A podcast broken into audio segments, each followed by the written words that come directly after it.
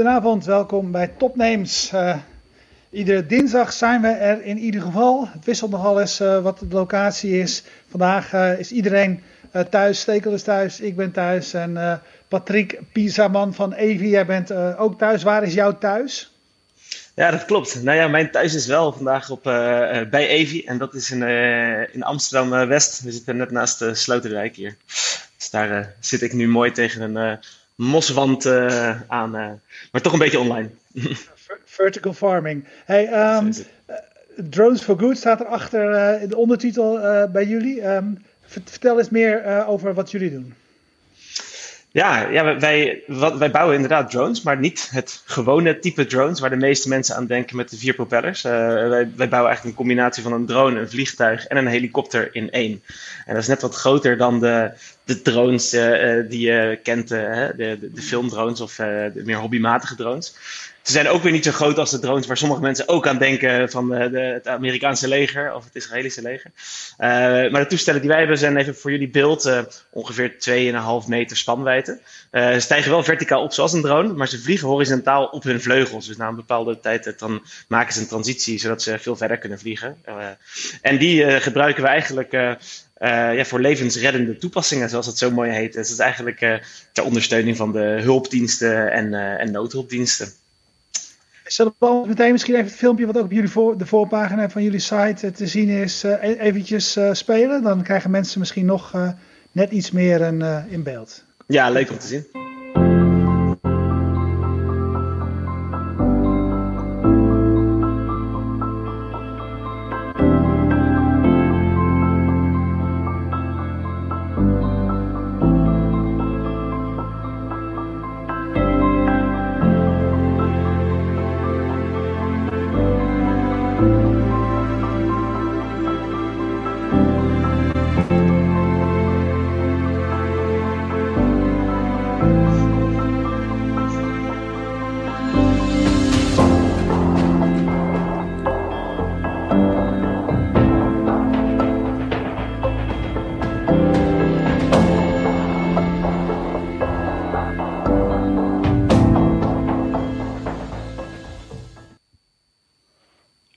Voorbeeldje van uh, de drones for, uh, for good, zoals, uh, zoals door, jou, door jou beschreven.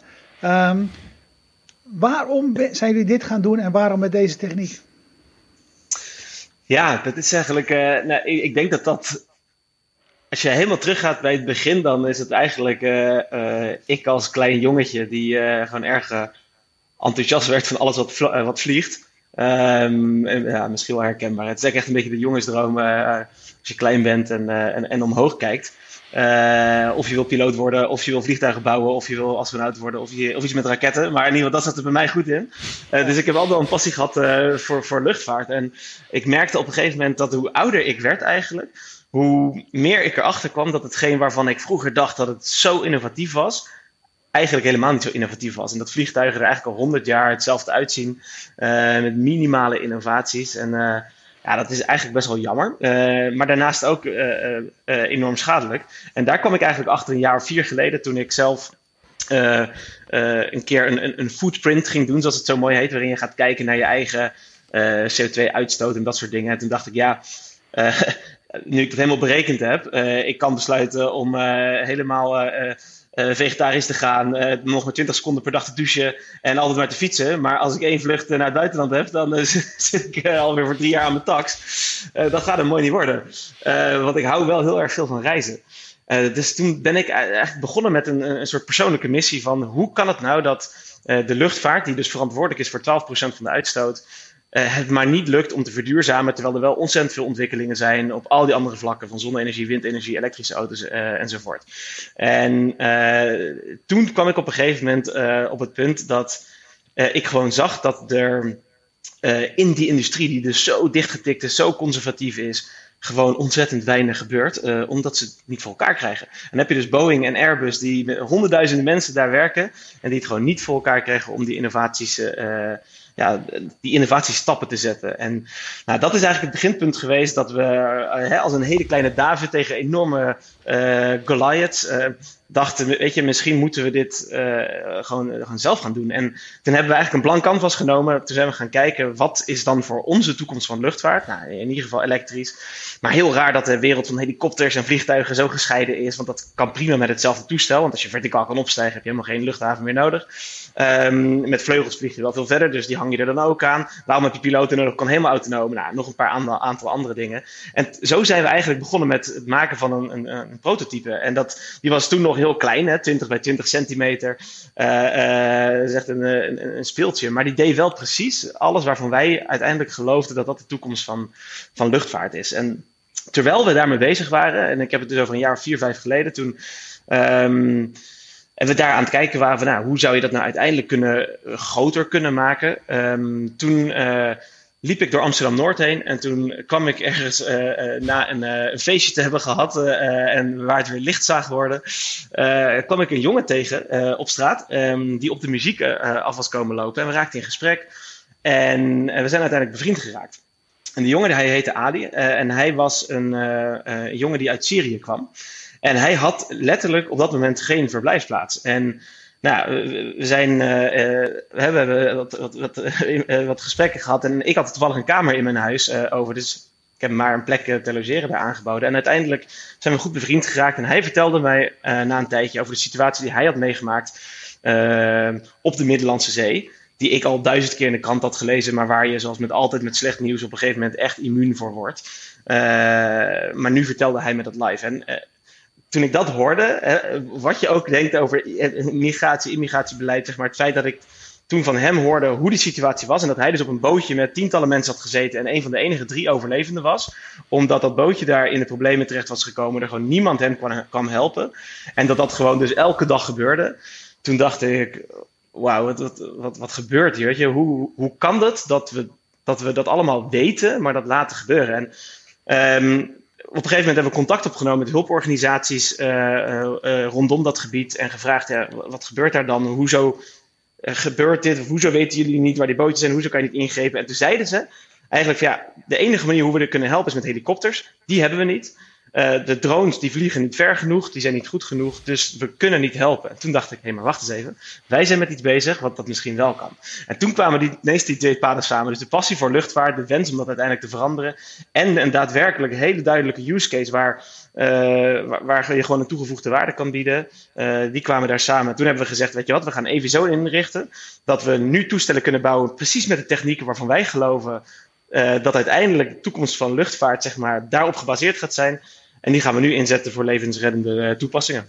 Ja, maar Patrick, als ik het echt, echt goed begrijp, is. Want de drones for good, dat klinkt natuurlijk fantastisch. Maar voor jou is het echt allebei even belangrijk. Drones, nieuwe technologie, uh, weet je, de, de, de, het opschudden van die grote industrie, wat je al zei, David tegen Goliath. Maar het is wel echt bij jou for good.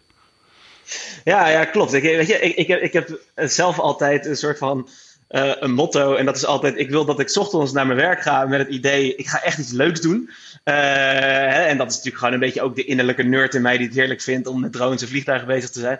Maar ik wil aan het einde van de dag naar huis gaan met het idee dat ik ook echt iets heb toegevoegd en een bijdrage heb geleverd. Op welke manier dan ook.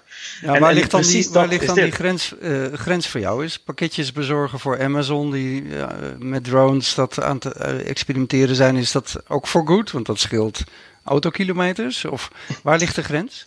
Ja, dat is een supergoeie vraag. Uh, en die grens is, uh, is niet heel erg binair. Die is niet zo zwart-wit en ook daarom niet altijd zo makkelijk te duiden. waar, er zijn een aantal dingen die we per definitie niet doen. Hè? Alles wat militair is, doen we sowieso niet. We worden er echt vaak voor gecontact. doen we sowieso niet. Um, ik heb persoonlijk de overtuiging dat uh, om een pizza per droom bezorgd te krijgen in je, in je achtertuin ook niet iets is waar we nou het verschil mee gaan maken. Ik kan me wel voorstellen dat inderdaad als je ervoor zorgt dat couriersdiensten die constant op en neer rijden, als je die door de lucht kan doen elektrisch, dat dat wel een toegevoegde waarde biedt. En soms kom je dan op een, eh, een, stuk wat heel interessant is, waarvan het echt lastig is. En uh, een voorbeeldje is, een tijdje geleden werden we benaderd door een partij die zei, mogen we jullie toestellen inzetten voor het inspecteren van olieleidingen. Ja. de eerste reactie was nee, de olieindustrie dat is precies volgens mij niet waar, wat het, waar de toekomst ligt in ieder geval hiervoor.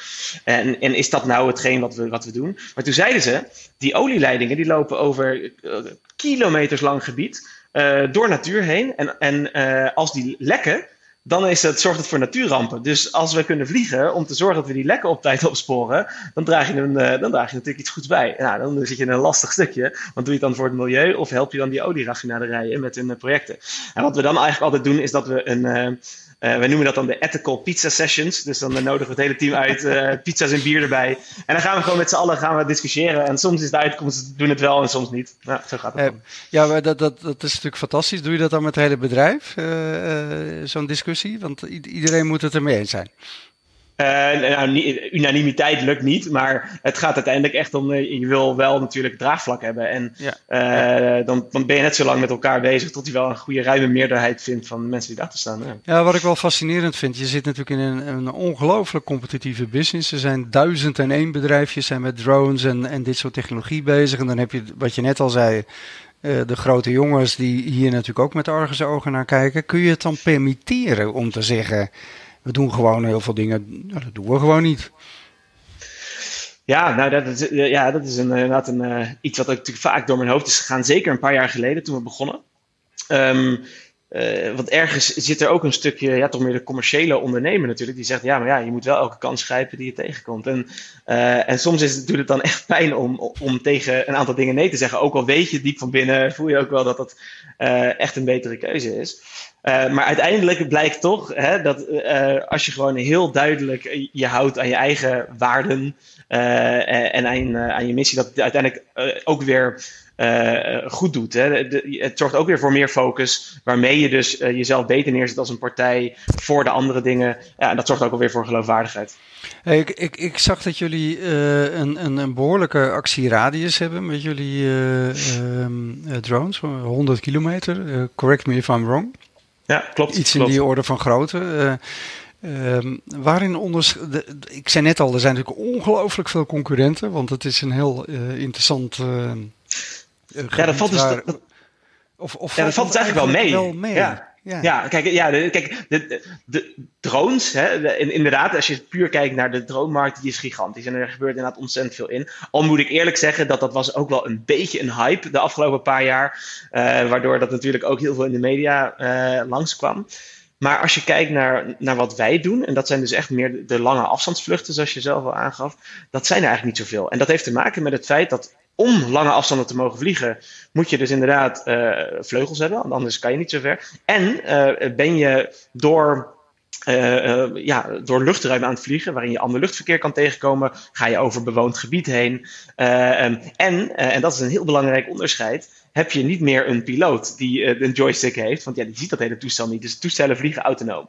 Um, en dan kom je in één keer in een totaal andere leak. En dat is namelijk de leak die eigenlijk veel dichter tegen luchtvaart aan zit. Hè. We moeten ook aan precies dezelfde, of in ieder geval bijna dezelfde um, reguleringen en certificeringen houden. En daar zijn er niet zo heel veel meer van. Dan zit je eigenlijk nog maar in een heel kleine pool aan, aan partijen.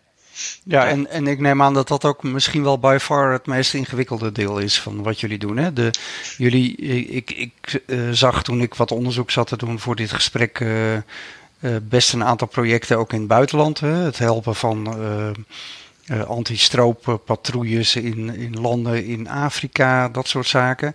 Hebben jullie veel gedoe met regulerende instanties en met de overheden? ja, ja, nou ja, eh, weet je, eh, Stekel, toen ik, toen ik hiermee begon, toen was het in de eerste instantie, dacht ik, leuk, we gaan ondernemen. Dan ja, ben ik 50% van mijn tijd bezig ja, met techniek en vliegen.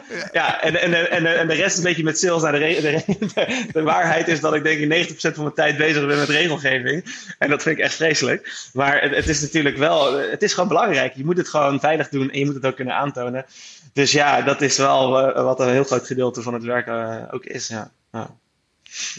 Hey, maar je zegt, uh, een aantal jaren geleden begon je, uh, begon je met, met dit idee. Je bent het gaan schetsen, je bent het gaan realiseren. Wat, wat, wat zijn de hobbels, behalve eventjes zeg maar wetgeving, wat zijn de hobbels die jullie zijn tegengekomen, die je hebt moeten overwinnen?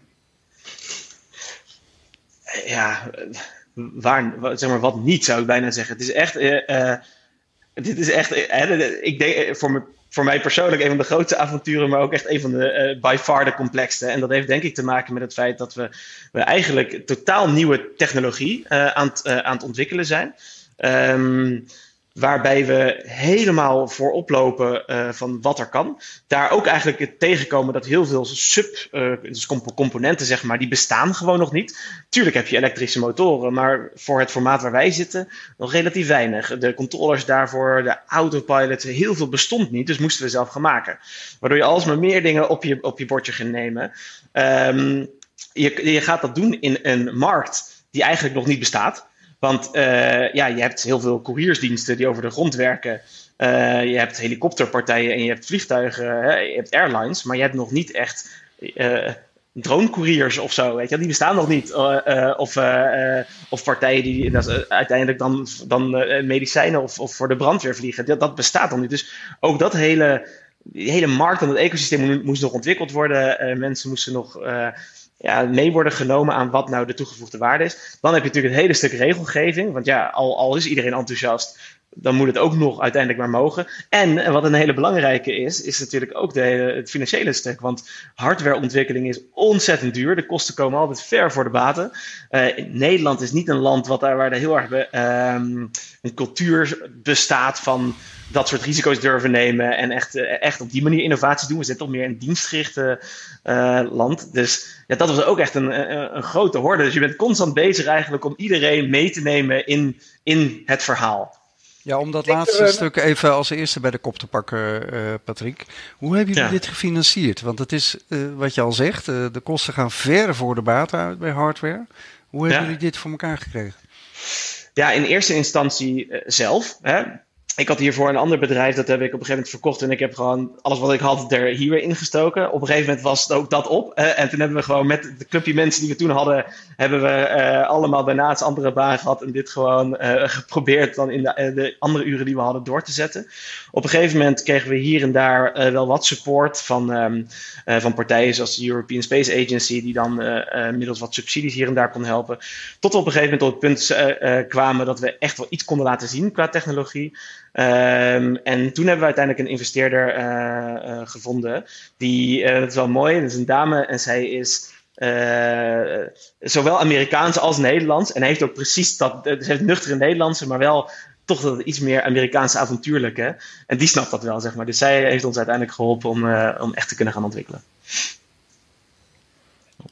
fascinerend uh, verhaal. En ik, en ik kan me zo voorstellen, zoals jij, als je, jij zit dat hier overal, je vertelt je verhaal overal, zoals je het nu hier ziet te vertellen, stel ik, stel ik me zo voor. dus met, die, met diezelfde overtuiging overtuig jij mensen, kan ik me, kan ik me voorstellen.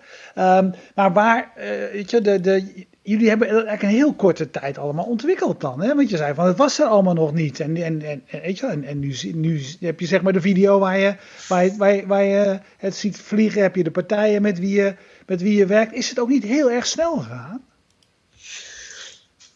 Ja, het is, het, is heel snel gegaan. Al, al, vind ik dat altijd, ik vind dat altijd een lastig stukje. Want ik ben altijd zo bezig met de toekomst. Dus uh, iemand zei van de week ook tegen mij van, uh, vieren jullie wel eigenlijk alle dingen die je hebt meegemaakt? Maar ik vind dat zelf altijd lastig, want ik ben natuurlijk altijd bezig met wat er eigenlijk nodig zou moeten zijn en wat er nog niet goed genoeg is. En laten we wel wezen, dit, er, is natuurlijk ook, we staan echt nog maar helemaal aan het begin. We hebben echt torenhoge ambities, dus er moet ook nog veel meer gebeuren. Um, maar het is inderdaad heel snel gegaan. Een jaar geleden, voor, eigenlijk net voor de, de, de, de lockdown, waren we met 20 man en nu zijn we uh, met bijna 50 mensen hier zo. Uh, we, we, hebben niet eens genoeg bureaus, zeg maar. Omdat ze nu natuurlijk heel veel mensen werken thuis. Dus dat dadelijk als iedereen weer begint, dan, dan past het denk ik niet meer hier. Uh, en dat, dat soort momenten laten dan ineens zien hoe hard je zo aan, aan, het, aan het groeien bent. Dus ja, dat klopt. Hoe moeilijk is het om een business, business op te bouwen in een wereld for good, zeg maar? Weet je, waarvan je zou kunnen zeggen, waar misschien niet het meeste, het meeste geld zit om een business op te bouwen. Ja, het, het, dat, is, dat, is, dat is echt lastiger. Um, uh, tegelijkertijd uh, denk ik dat het ook gewoon nu niet anders kan. Um, uh, en er zitten, en dat moeten we ook niet vergeten, er zitten ook echt voordelen aan. Het feit dat wij, we hebben hier engineers werken, die uh, waanzinnig goed zijn, die hiervoor bij Defensie werkten in, uh, in, uh, in verschillende landen, die bij andere partijen vandaan kwamen waar ze veel meer geld verdienden, maar echt in een markt waar zij zelf niet in geloofden. En, en hier dus voor een fractie werken omdat ze zo achter de missie staan. En dat helpt ons natuurlijk ook. Ja, ja ik zat, ik zat tegelijkertijd even wat wat plaatjes te zoeken. Want ik, ik ben dan toch. Ik, ik ben zelf een, een uh, fanatieke dronevlieger, maar dan met van die hele kleine uh, dingetjes om gewoon leuke uh, foto's en luchtshots te maken. Dus ik, ik deel jouw. Wat mooie schaatsvideo's, Stekel. Ja, ik heb fantastische schaatsvideo's gemaakt. Oh ja, dan heb je een mooi weekend natuurlijk gehad nu. Ja. ja. maar deze, hè, is dit, dit, dit model wat met de ANWB, is dat jullie laatste model of is het die witte die ik overal terug zie komen ook? Um, ja, dat zijn, uh, nou ja, dat, is, dat zijn eigenlijk verschillende versies van, eh, van, uh, van een vergelijkbaar type. Waar, we, waar we mee vliegen. De ene voeren weer meer uit voor medische vluchten. Dus dat betekent dat er aan de binnenkant dan een box zit waarmee we medicijnen koel kunnen houden. Of bijvoorbeeld bloed kunnen vervoeren voor de bloedbanken. Um, maar bijvoorbeeld ook, uh, we zijn ook met ontwikkelingen bezig voor het vervoer van vaccins. Zoals bijvoorbeeld voor COVID-19. Um, ehm, dus dat is een versie. En dan hebben we de versie die we uitrusten met verschillende sensoren. Warmtecamera's, gewone camera's. en, en die zetten, zetten we meer in voor brandweer of voor search and rescue. Dus die vliegt dan echt voor de troepen uit. Als er een melding binnenkomt bij de meldkamer. Zodat voor de brandweerauto arriveert, ze eigenlijk al van boven kunnen zien waar er eventueel mensen aanwezig zijn, hoe de brandhaard zich verspreidt.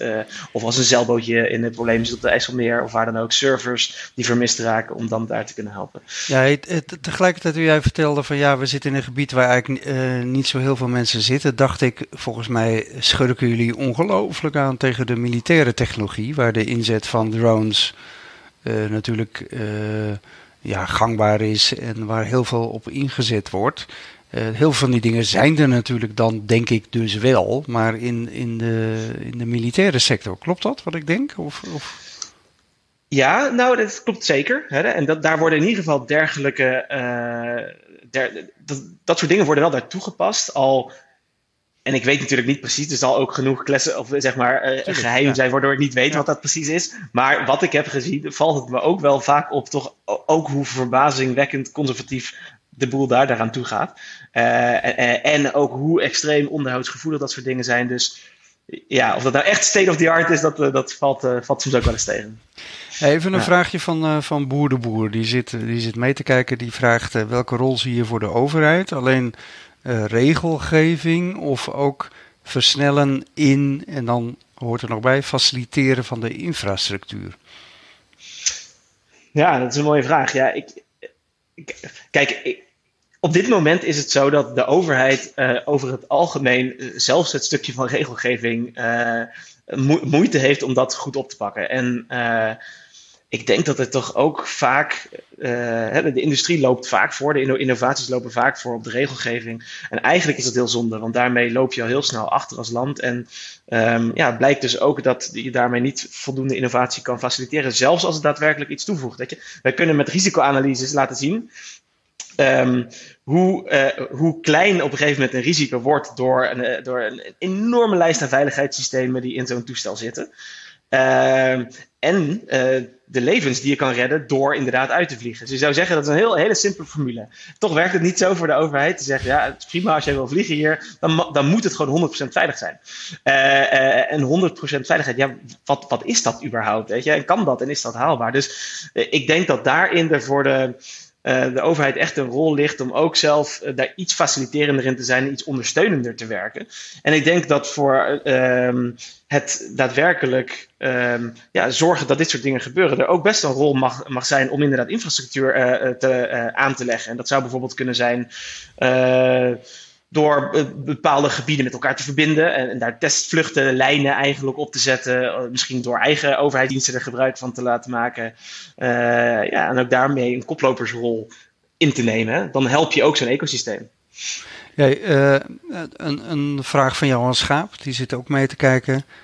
Die stelt hij via Twitter. Is het eigenlijk een open source drone? Waarschijnlijk vraagt hij dat ook omdat jullie zo nadrukkelijk zeggen drones for good. Hè? Dan ligt de open source link natuurlijk voor de hand. Ja, ja, ja. ja Goeie, goede vraag. En dat zou je inderdaad uh, zeggen. Tegelijkertijd is het ook zo'n. Um, is veiligheid dus zo'n belangrijk stuk. Dat je ook moet zorgen dat, dat, dat je eigenlijk de hele lijn van communicatie met het toestel, je programmatuur, dusdanig beveiligd is dat je die veiligheid ook kan aantonen.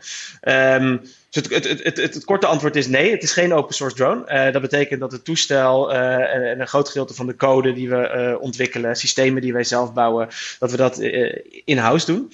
Um, wat wel stukjes zijn die open source zijn, eh, is eigenlijk de, de, toepassing daarvan. En dat betekent dat we bijvoorbeeld met de onderzoeksinstituten, universiteiten, maar ook soms wel eens basis- en middelbare scholen, eigenlijk samenwerken aan hoe kunnen we nou nieuwe toepassingen bedenken. En, en daarmee maken we het toestel eigenlijk dat we zeggen, nou ja, het boxje wat je erin hangt, of dat nou een camera heeft, of dat dat medicijnen kan vervoeren, waar zou je het nog meer voor kunnen gebruiken?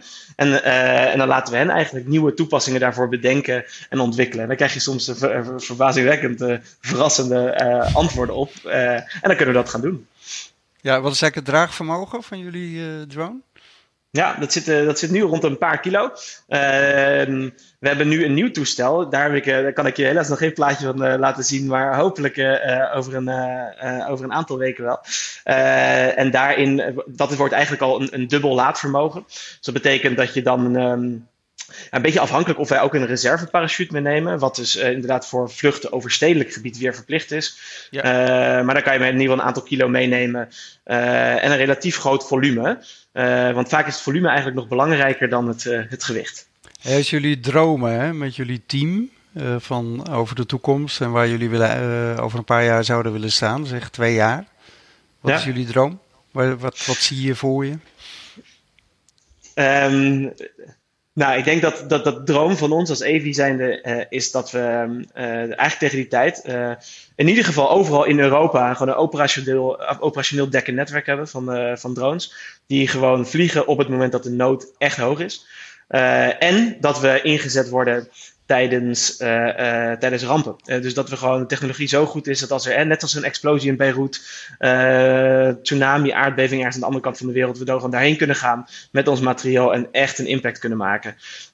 dus, de, dus die combinatie. En, um, en ik denk als we daarmee een fundament kunnen bouwen als EVI zijnde, waarbij we dus ook ervoor kunnen zorgen dat we technologie hebben ontwikkeld die elk jaar groter kan worden, waardoor we op een gegeven moment nog meer kunnen meenemen, nog meer kunnen meenemen, nog meer kunnen meenemen, dat we ook uh, toonaangevend gaan worden in de luchtvaartindustrie en de grote partijen bij ons komen kijken, hé, maar hoe doen ze dat nou?